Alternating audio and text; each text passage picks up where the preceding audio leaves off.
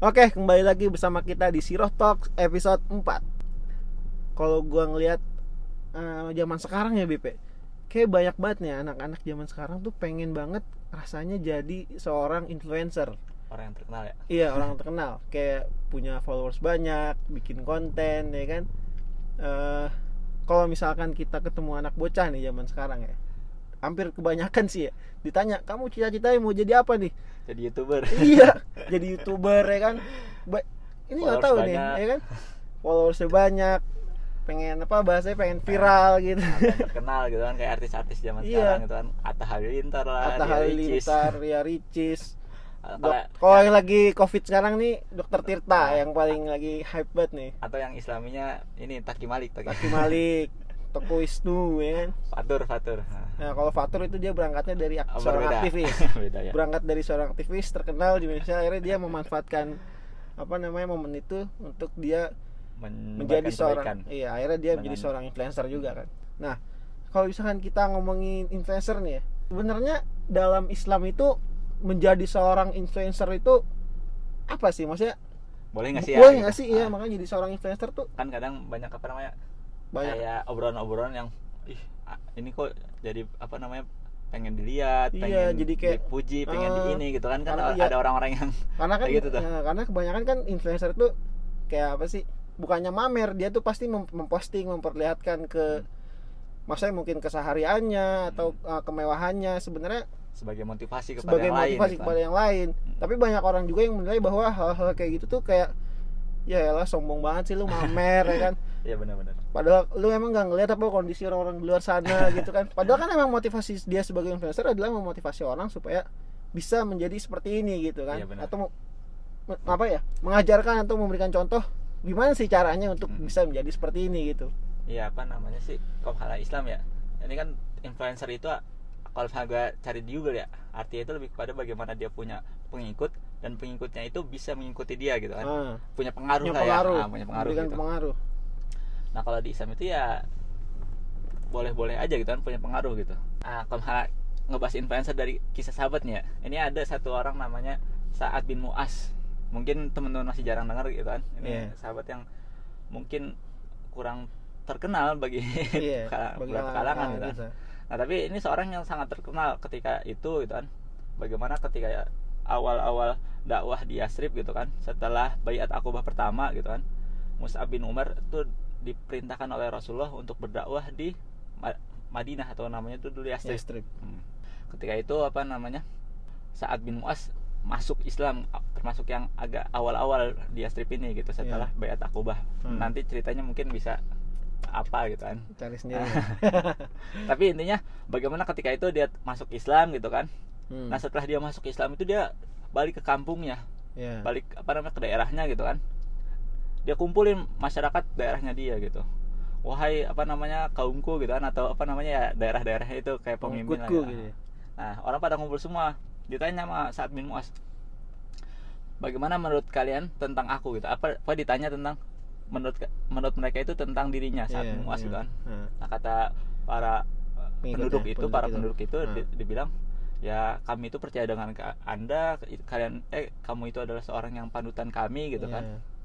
Maka kata saat bin Mu'az, mulai hari ini jika kalian tidak mau masuk Islam gitu kan, maka jangan ngobrol sama saya gitu kan. Iya. Pokoknya perkataan kalian itu tadi bohong gitu. Ah. Kalau kalian tuh apa namanya pengikut saya, maka Hmm. kamu masuk Islam gitu kan. Iya, iya. Maka ketika itu hari itu juga nih dia baru masuk Islam, tapi saat itu hari itu juga orang-orang di daerahnya dia langsung masuk Islam juga, bayangin.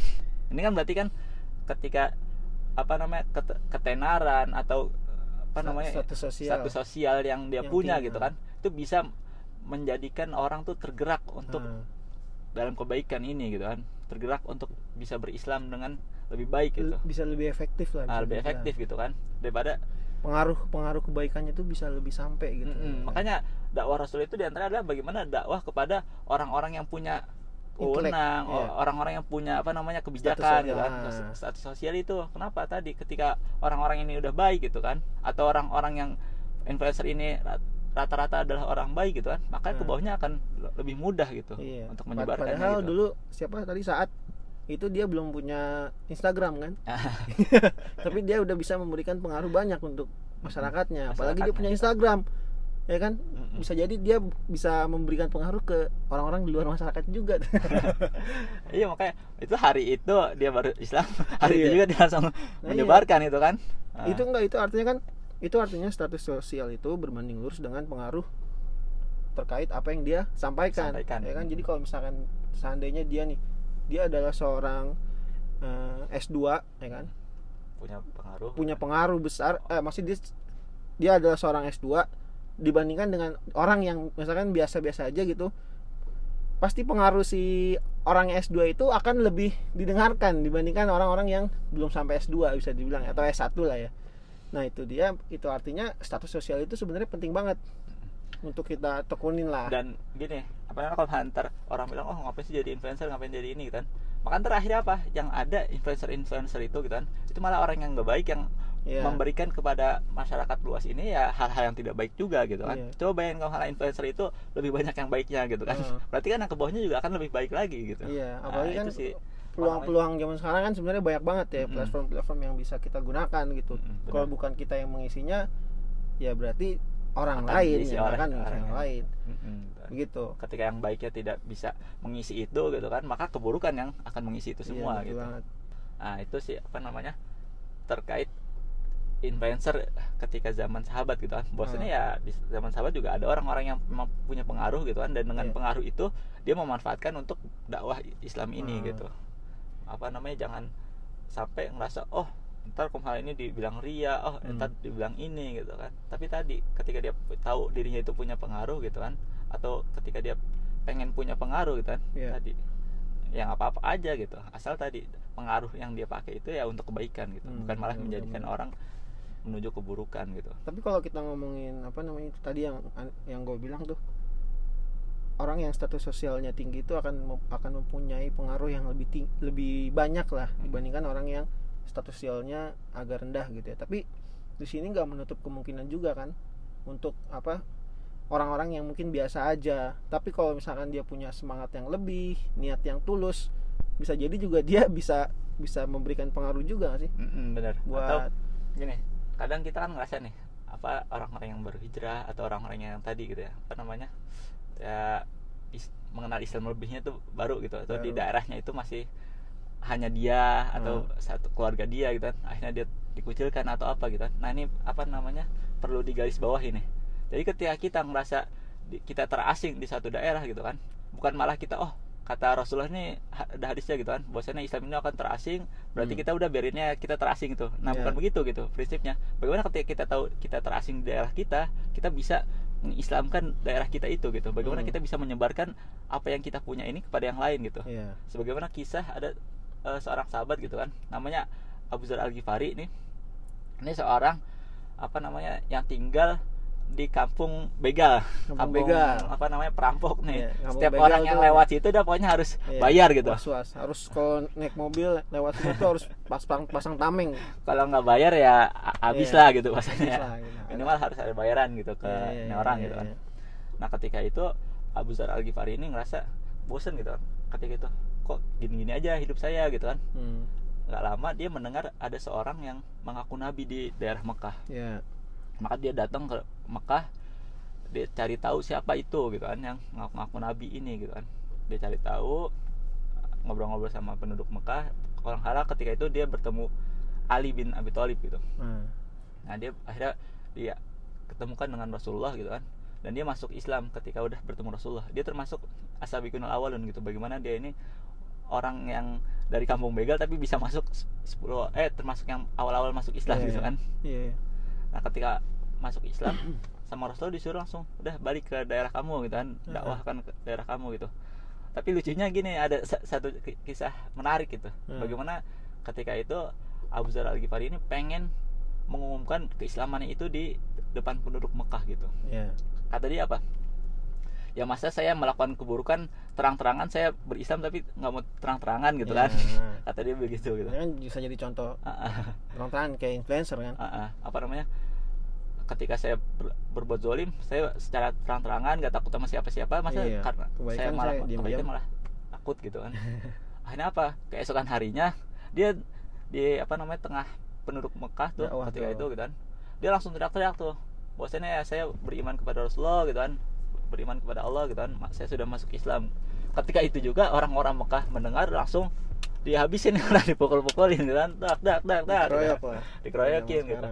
sampai ada seorang penduduk Mekah mengetahui bahwasannya ini orang nih dari suku Gifar. Gifar. Nah, suku Gifar nih sukunya Abu Zar al Ghifari nih. kampung begal tadi Ah, itu. kampung begal tadi gitu kan. Iya. di, dibilangin sama apa namanya nih orang tadi gitu kan yang tahu bahwasannya ini dari suku Gifar. Wahai apa namanya orang-orang Quraisy apa kalian tidak tahu bahwasannya yang kalian pukul itu adalah dari suku Gifar gitu kan? Ada kalau malah kalian ke- ketahuan bunuh dari kalangan mereka habis kalian gitu kan. Bayangin. Diserang- habis pasti langsung itu. Ah, makanya anak SMK aja ketahuan satu ada yang Iya. dipukulin habis kan. Diajak ke gerbang ke gerbang SMK-nya juga disamperin. Ini apa namanya kak satu kampung. Iya. Begal gitu kan. Satu orangnya dihabisin habis tuh bisa kan Iya. orang-orang Mekah gitu kan. Besok ketika ada yang lewat eh, lewat situ udah hilang semua. Bukan Ah. hanya apa namanya nyawanya. Dagangan diambil dianya nggak bisa pulang. iya. Nah, akhirnya orang pada berpin apa namanya berpisah atau mana pergi lagi gitu. Hmm. udah ini pulang. Nah Abu Zar Al Ghifari ini akhirnya balik ke kampungnya gitu kan. Ketika balik ke kampungnya ini Abu Zar ini belum bahasanya ya baru banget masuk Islam juga nih kayak tadi Baru saat banget, bin Muaz newbie. baru masuk kan ini juga masuk masuk Islam kan. Tapi karena dia niatnya tulus gitu kan dia pengen berdakwah di kampungnya gitu kan. Iya. Berdakwah Islam ini gitu kan menyebarkan keislaman ini. Ternyata apa benar gitu bisa karena niatnya tadi gitu menghasilkan gitu. Niat dan semangatnya ya. Nggak lama kampung begal ini gitu Ah. kan kampung begal yang tadi bisa dibilang wah parah banget lah ya tadi kan. Nah, ternyata bisa diislamkan oleh Abu Zar Al Ghifari gitu. Jadi kalau ada yang ngerasa oh saya terasing itu nih contoh kayak Abu. Zar Al Ghifari ini gitu saya, saya nggak mungkin nih bisa Ah. mendakwakan orang-orang di sini Oh, kan. saya minoritas di saya sini minoritas saya ini gitu kan tapi bisa Iya. gitu kalau Kun niatnya benar-benar ya. ikhlas gitu kan niatnya lillah gitu kan tapi bisa gitu. bisa bagaimana dan tadi ini juga sih maksudnya eh, pasti Abu Zar Al Ghifari juga memiliki kecerdikan sendiri gitu untuk dia bagaimana cara menyampaikannya, gitu, ya kan? menyampaikannya gimana gitu kan. tempatnya kondisinya situasinya pasti dia juga punya caranya Mm-mm. kalau zaman sekarang mungkin lebih kayak Ustadz Hanataki gitu ya kan ya pokoknya intinya sih gini apa namanya ketika kita ngerasa di satu daerah yang kita terasing gitu kan Hmm. nah tapi kita jangan merasa terasing terus gitu bagaimana kita keterasingan kita, itu kita hapus dengan cara kita mendakwahi mereka gitu Iya, iya, iya. Nah, apa namanya ini kan satu kisah yang sangat apa namanya menjadi penyemangat bagi kita gitu Nggak. ini orang yang kamu begal aja bisa diislamkan orang gitu yang kan. orang yang basicnya eh, lahir di kampung begal Yang besar di kampung be- bayinya aja udah jadi iya, begal. terlahir untuk seperti itu gitu. Karena Ah. emang lingkungan kan emang Iya, makanya, bisa menutupi. Ketika orang-orang yang kayak gitu nggak menutup kemungkinan juga bisa, bisa. memberikan pengaruh yang besar. Karena mereka nggak tahu Islam awalnya Iya, itu bisa jadi gitu. ketika mereka tahu langsung jadi mereka tuh benar-benar Hmm. semangatnya lebih gitu kan. Hmm. akhirnya apa ketika itu? Ketika Rasulullah udah hijrah ke Madinah Abu Zar ini bawa ini nih apa namanya kabilahnya ini ke Rasulullah langsung Rasulullah doain nih kampung begal tadi gitu kan Iya. nama kamunya kan Gifar langsung Hmm. kata Rasulullah tuh Gifar ghafarallahu lahu gitu kan bagaimana Rasulullah tuh berdoa bahwasanya semoga Allah mengampuni kampung ini gitu Hmm. kan itu suatu kisah yang benar-benar ya kalau misalnya kita ngerasa pengennya ngedakwahin yang soleh-soleh aja Iya. ngerasa ketika kita terasing kita udah nggak mau ngapa-ngapain lagi gitu kan udah Hmm. pengen soleh sendiri aja gitu kan kan ada tuh ngerasa udah gue ibadah sendiri aja gitu kan Iya, enak udah, yang penting gue bisa ini gitu usah kan. di share share lah udah. Ah, ntar malah jadi ria ntar malah Ah. jadi ini Ah, atau ntar malah gue apa apain gitu kan Iya. nah ini bisa jadi contohnya juga nih niatkan karena Allah jadi influencer ya kan menyampaikan kebaikan nggak usah takut ya kan Mm-mm. daripada malah diem aja gitu nggak Mm-mm. ngapa-ngapain juga kan Ah, tadi apa namanya kita kan bahas dua orang yang di kampungnya sendiri ya Ah. kayak saat bin Muas di kampungnya di Yastrib Iya, tadi strip dia saat- dia berdakwahnya di situ ah. aja Ab- Abu Zar al Ghifari di kabilah yang tadi gitu kan Ah, di tapi ada juga juga dia. nih apa Hmm. namanya kisah bagaimana influencer yang di daerah orang gitu Nah, dia kan kadang kita ngerasa wah di daerah orang siapa Merantau. gue gitu kan merantau lah kayak orang Padang Nah, makanya siapa gue ntar Hmm. ini di satu tempat gitu kan pasti gue diusir pasti gue Iya. dicaci maki Siapa- pasti siapa. diapain gitu Iya. kan sebagaimana nih kalau kisah sahabat itu ada namanya Musa bin Umair nah, Nah, Musa bin Umair ini ketika itu disuruh oleh Rasulullah untuk berdakwah di Yasrib ketika itu habis bayat akobah pertama nih. Ah, jadi cuma 12 orang gitu kan. Iya. bayangin 12 orang dia pertama suruh dakwahin 12 orang ini dan suruh ngedakwahin yang lainnya gitu kan. Ekspansi. bayangin ah, ini cuma orang baru gitu kan suruh dakwah di tempat yang belum bahasanya ya nggak tahu Islam. Dan yang orang Yastrib tahu tentang Islam itu adalah keburukan. Hmm. kenapa? Karena ketika itu Yastrib ini adalah eh daerah yang sering dilewati oleh orang-orang Mekah jadi orang Mekah ini bahasanya orang yang sering pergi-pergian gitu Hmm. orang yang sering jual beli atau apa Iya, gitu kan kayak- keluar dan kayak dia sering ketemu ya, nah, sering tempat ket- sering lewat Madinah ini gitu Hmm. Nah di Madinah ini disebar luaskan bahwasannya di Mekah ini ada seorang yang mengaku nabi, dia sesat, dia bawa ajaran yang nggak Oh, jelas gitu iya, kan. iya, iya, Karena ketika itu orang-orang Yasrib itu tahu bahwasannya ini orang sesat gitu. Ah, iya, iya. Ketika itu apa namanya Mus'ab datang dan tadi pemimpin sana ada yang mengetahui bahwasannya ada Mus'ab ini gitu kan. Ini ada Titisan. mau bawa-bawa ajarannya tadi nih orang nih yang mau yang sesat gitu kan. sesat. Nah, ini apa namanya? Yang pemuka ini adalah Sa'ad bin Mu'az yang tadi kita awal diceritain. Ya, ah, iya, Sa'ad bin Mu'az dan Usaid uh, bin Khudair. Nah, ketika itu Sa'ad bilang kepada Usaid, "Wahai Usaid, coba samperin nih Mus'ab sama ini kan." Hmm. Karena kenapa Mus'ab itu ketika itu bareng sama As'ad. As'ad ini masih saudaraan sama Sa- Sa'ad. Sa'ad, Nah, akhirnya kata eh, Sa'ad udah kamu aja dulu nih Iya, yang enak kan sana kalau gitu kan ada nah. saudaraan sama gue gitu kan Iya. kata bahasanya oh ya udah kata Usaid Usaid nyamperin ke Mus'ab pas lagi nggak lama Baik lagi datang lagi apa namanya dia berislam malahan Usaid gitu Saidnya mau masuk Islam ya. malah masuk Islam dia balik nih ke saat gitu kan. Saat dat- datang saat mu- mukanya lebih berseri ditanya sama saat gitu. Wah Usaid kok mu- kamu balik balik mukanya lebih berseri gitu kan? Iya. ada apa gitu? Kata Usaid pokoknya suruh datang sendirilah gitu ke sana. Tuh datang aja ke sana Iya. gitu kan. Akhirnya saat datang ke Mus'ab bin Umair Hmm. sama kejadiannya kejadiannya begini sama Mus'ab apa namanya Usaid apa saat suruh Mus'ab pergi gitu kan Hmm. kata Mus'ab gini coba kamu duduk aja dulu nih Dulu, pamhala kamu eh, dengarkan sedikit perkataan saya kalau kamu setuju maka saya boleh di sini tapi kalau kamu nggak setuju ya saya akan pulang gitu kan Nah, Nah saat mikir oke lah deal lah nggak Iya, apa-apa nih dulu. cuma sedikit doang masa Iya. iya gitu kan ini pasti ini salah nih pasti Iya. sesat ntar gue usir gitu kan ah, akhirnya dia duduk sebentar apa namanya dibacakan sama Mus'ab tuh ayat-ayat Al-Quran didakwahin walaupun sedikit tapi ternyata apa Wa, raut wajahnya saat langsung berubah langsung Hmm. ditanya kepada Mus'ab ini apa nih gitu kan hmm. bagaimana saya bisa masuk agama ini gitu Iya. akhirnya kata Mus'ab disuruh ya udah kamu mandi ntar kamu sholat dua rakaat gitu Hmm. ketika itu dia langsung lakukan itu tadi abis langsung abis sholat itu dia langsung balik ke kampungnya tadi yang cerita tadi di awal ya Jadi proses eh, pengislamannya tuh di sini. Ah, Peng- pengislaman saat bin Wasya tadi nih Iya, yang sekarang nih ah. tadi yang pas awal itu awal kan tuh proses- bagaimana dia menyebarkannya gitu Iya. kan Mm-mm. Nah, ini bayangin nih Mus'ab bin Umair gitu kan Oh, didatengin sama pemuka agama gitu kan Ah. pemuka sana pemuka daerahnya lah bukan pemuka agama Iya, pemuka pentawanya. daerah sana Ah, tapi dengan kebijaksanaan dia bisa membawa Islam ke sana gitu kan. Dan se- bukan hanya apa namanya bukan hanya begitu dakwahnya tapi Mus'ab bin Umar saking niatnya nih ya Hmm. ketika itu dia ketok-ketok satu-satu pintu-pintu di Iya. daerah Yastrib gitu Hmm. saking benar-benar niat ya kalau nggak diterima ya udah gitu kalau diterima alhamdulillah gitu kan Hmm. dia coba sin satu-satu dan alhamdulillah ternyata apa satu tahun dakwahnya Mus'ab bin Mus'ab Umair bin Umair. itu banyak lah orang yang masuk Islam gitu Hmm. maka kalau bisa dibilang keberhasilannya Mus'ab bin Umair. eh Rasulullah dan para Oh, sahabatnya bisa hijrah ke Madinah ini salah satunya adalah Salah satunya ini gara-gara Musa bin Umair ini gitu kan. Ah, ah, bagaimana.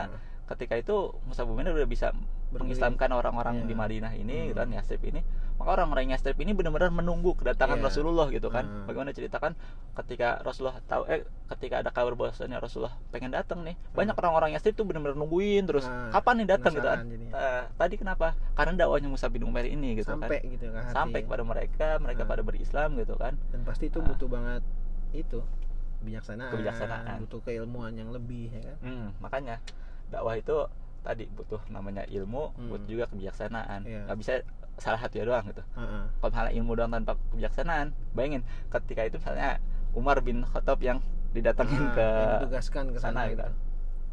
bisa jadi ketika didatengin sama Sa'ad bin Mu'az tadi gitu kan atau Said malah diajakin berantem Nah, iya sama-sama ini kan sama-sama bahasanya ya bos-bosnya gitu kan pemilik wilayah asik bahasa Ah. gitu ya atau ya bahasanya ketika kita cuma punya ilmu tapi nggak punya kebiasaan gitu kan Nah, malah orang tuh jadi musuhin kita gitu Hmm. karena kita nggak tahu siapa apa namanya madu kita siapa yang kita dakwahin ini gitu kan nah. kan kata ya apalagi kan pendatang ya "Mm-mm," gitu kan Hmm. pendatang yang nggak tahu belum, apa-apa gitu kan belum, belum bisa memetakan harus Mm-mm. memetakan dulu kan kondisinya nah kebiasaannya itu gitu kan kadang-kadang kita nggak bisa orang yang baru hijrah atau baru masuk Islam tiba-tiba kita suruh yang berat-berat kan nggak bisa Hmm. juga gitu kan iya iya iya atau eh, orang yang bahasanya baru pengen balik lagi ke Islam nih gitu kan biasanya maling atau apa gitu kan Iya. tiba-tiba suruh infak besar gitu kan Ah. orang ngapain? Ya Iya, baru masuk Islam udah disuruh banyak-banyak begini gitu kan. Iya. mendingan gue langsung keluar lagi kan. Nah, Hmm. tadi, tadi kan butuh kebijaksanaan tapi juga butuh ilmu gitu. Hmm. bagaimana kebijaksanaan itu juga dibutuhkan ilmu. Kenapa? Karena ketika kebijaksanaan itu doang gitu kan dia bisa menyampaikan yang baik ininya Hmm. tahu caranya gimana tapi nggak punya ilmu. Akhirnya apa? Orang yang didakwahin tersesat gitu. Iya. harusnya syariatnya A dia malah ngajarin ke B gitu. Ah, kan ini kan malah salah gitu. Ini malah nggak baik gitu. juga. malah bahaya gitu Hmm. kan makanya butuh namanya kebijaksanaan butuh juga namanya Keilmuan. ilmu gitu. Hmm. dan terakhir intinya kalau apa namanya teman-teman kalau mau jadi influencer ya kalau pesan dari gue ini. Ah, bagaimana ketika kita menjadi influencer apalagi khususnya dakwah gitu kan. Ya. Jangan jadikan keter- ketenaran ini atau kekayaan dunia atau apa pun yang masalah dunia ini sebagai tujuan utama gitu. Tujuan utama.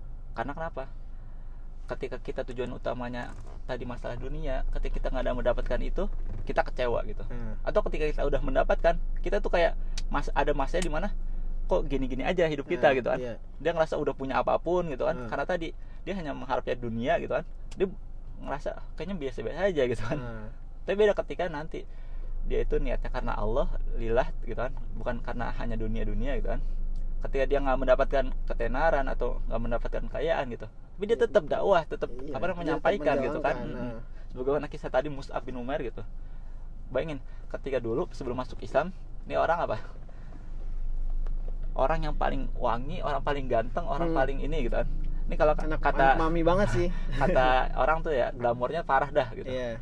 Sebelum Musab datang itu wanginya udah kecium kalau bakal Musab datang. Atau nanti Musab pengen pergi wa- wanginya masih kesisa gitu kan. Ah. saking wanginya banget tuh Musab tuh habis itu juga dia ini semua orang tuh punya akuin dia ganteng lah bahasanya Iya. gitu. Kenal banget lah Ah. di wilayahnya ya. Apa namanya orang-orang Mekah tuh perempuan-perempuan saat itu gitu. Ketika Musab lewat langsung buka jendela pokoknya langsung pengen ngeliat wih Iya. ganteng banget ini gitu kan. Perfect lah perfect. Sampai laki-laki nih ya itu bilang mengakui semuanya itu ganteng gitu. Bahaya.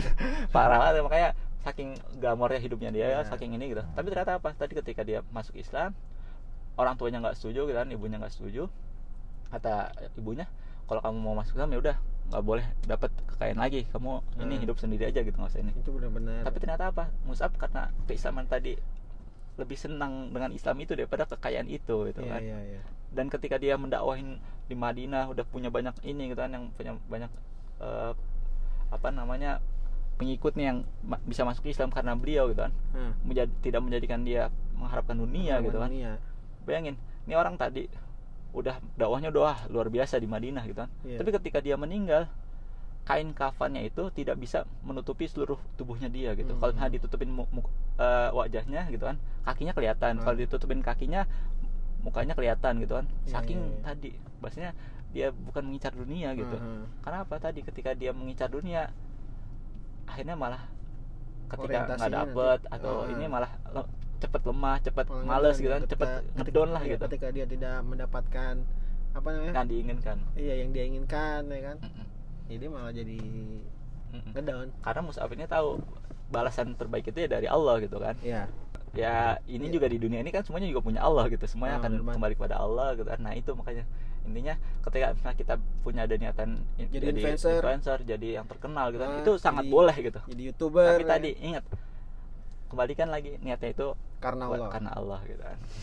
Jangan sampai kita karena memang bahaya banget sih maksudnya ketika kita sudah berada di posisi atas mungkin Mm-mm. kita memiliki banyak harta itu kan godaannya pasti banyak punya banget. banyak followers Ah, punya banyak followers pengikut gitu kan. punya banyak bilang A harta, sedikit ya kan. langsung ngikut semua gitu. Kan pengen beli apa aja bisa gitu. Nah itu tuh godaannya tuh sangat besar gitu. Nah itu bahkan pengaruhnya itu yang tadinya apa namanya niatnya ingin mem- memberikan pengaruh yang baik Mm. itu godaan untuk memberikan pengaruh yang buruk malah bisa terluka juga sebenarnya. makanya. Makanya kalau misalkan kalau niat kita udah jadi apa?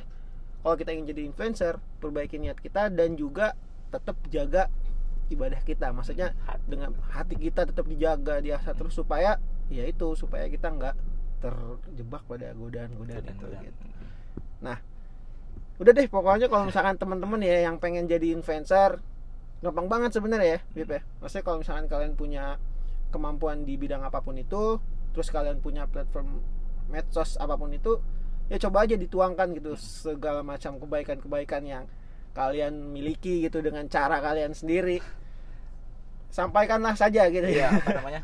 Biar platform-platform itu juga isinya kebaikan semua Betul gitu. banget. Bagaimana nanti YouTube-nya isinya kebaikan semua, Nah. Instagram-nya kebaikan-kebaikan, Twitter-nya penuh dengan kebaikan gitu kan. Karena ketika orang-orang nggak ada yang mau jadi influencer, nggak ada yang mau kayak gini gitu kan. Akhirnya apa tadi? Influencer-influencernya atau yang terkenal terkenalnya orang-orang yang nggak baik gitu kan. Ah. Akhirnya tadi ke bawahnya juga nggak baik gitu kan. Iya. Yang dia lihat keburukan terus gitu kan Ah, anak-anak ini gitu dan, kan. iya dan nggak usah ini. takut dibilang apa sih sobat islami gitu Atau apa. nggak usah takut sih menurut gua tuh ya udah itu kan niat itu kan adanya di hati kita Ah. gitu cuman Allah yang tahu gitu apa yang kita ingin sampaikan ya kan Ya. dan itu kan maksudnya dengan kita apa namanya share kebaikan-kebaikan. Itu sebenarnya kan eh, notice juga buat kita juga kan. Mm-mm. bukan cuma buat orang tapi itu buat justru supaya kita lebih terjaga nih orang. Orang orang-orang tuh tahu kalau kita tuh maksudnya pernah nge-share kebaikan-kebaikan. Jadi kita otomatis praktek di lapangan malu juga. Ya, ya masa masa ya kita udah nge-share kebaikan segala macam di lapangan kita gayanya kayak gitu. Kan itu kontradiktif kan. Maksudnya itu jadi baik juga buat orang lain buat lu juga. Khususnya buat kita malahan gitu kan. Makanya itu kita bikin podcast kayak gini kan? Juga ya kan? Ya buat adik-adik ya kan? Ya, teman-teman semua. Eh, kuncinya sih tadi ingat satu niat dirapihin lagi. Terus yang kedua ya perbanyak jaga hati ya kan? Jangan or jangan sampai orientasi kita dalam eh, tujuan kita menjadi influencer itu malah membelot ke arah yang tidak baik. Ya nggak Pipe? Mm-mm. Ilmu juga perlu ditambah Oh iya, ilmu. gitu kan kebijaksanaan juga ada Betul gitu kan banget. jadi bagaimana kita tahu dengan orang ini kita ngobrolnya gimana dengan ini Iya. gimana cara ngedakwahinnya gitu kan Hmm, jangan sampai ntar ada orang yang apa namanya suka bola gitu kan diomel-omelin oh ngapain lu nonton bola gini gini gini Iya. tapi bagaimana kita bisa ngikut nonton bola Betul. kita ingetin oh lagi pergantian babak nih salat ah, jam mulai dulu yuk. ya masukin aja lah ya maksudnya ah pinter-pinter lah banyak lah cara caranya. cek sekreatif mungkin. Di Ah. YouTube kalian bisa bikin konten. Asalkan kontennya yang baik ya Ah, kan? gitu. di Twitter bisa apa nge-share tulisan. Biasanya kalau di Twitter tuh tweet gitu tweet tweet panjang. panjang gitu ya kan. Instagram bisa dengan foto-fotonya dengan kebaikannya. Ya itulah pokoknya semangat buat teman-teman semua. Adik-adik semua yang pengen jadi seorang influencer. Sekarang tuh masanya cocok banget lah pokoknya jadi influencer ya karena masa-masanya era digital Mm-mm. titik eh, 4 titik nol ya. 4.0. semuanya bakalan ada di medsos. Online lah pokoknya semuanya ya eh, itu aja sih kayak tentang apa namanya gimana kita pengen jadi seorang influencer ya. Punya pengaruh banyak. ah. oke sampai ketemu di episode yang berikutnya. Wassalamualaikum warahmatullahi wabarakatuh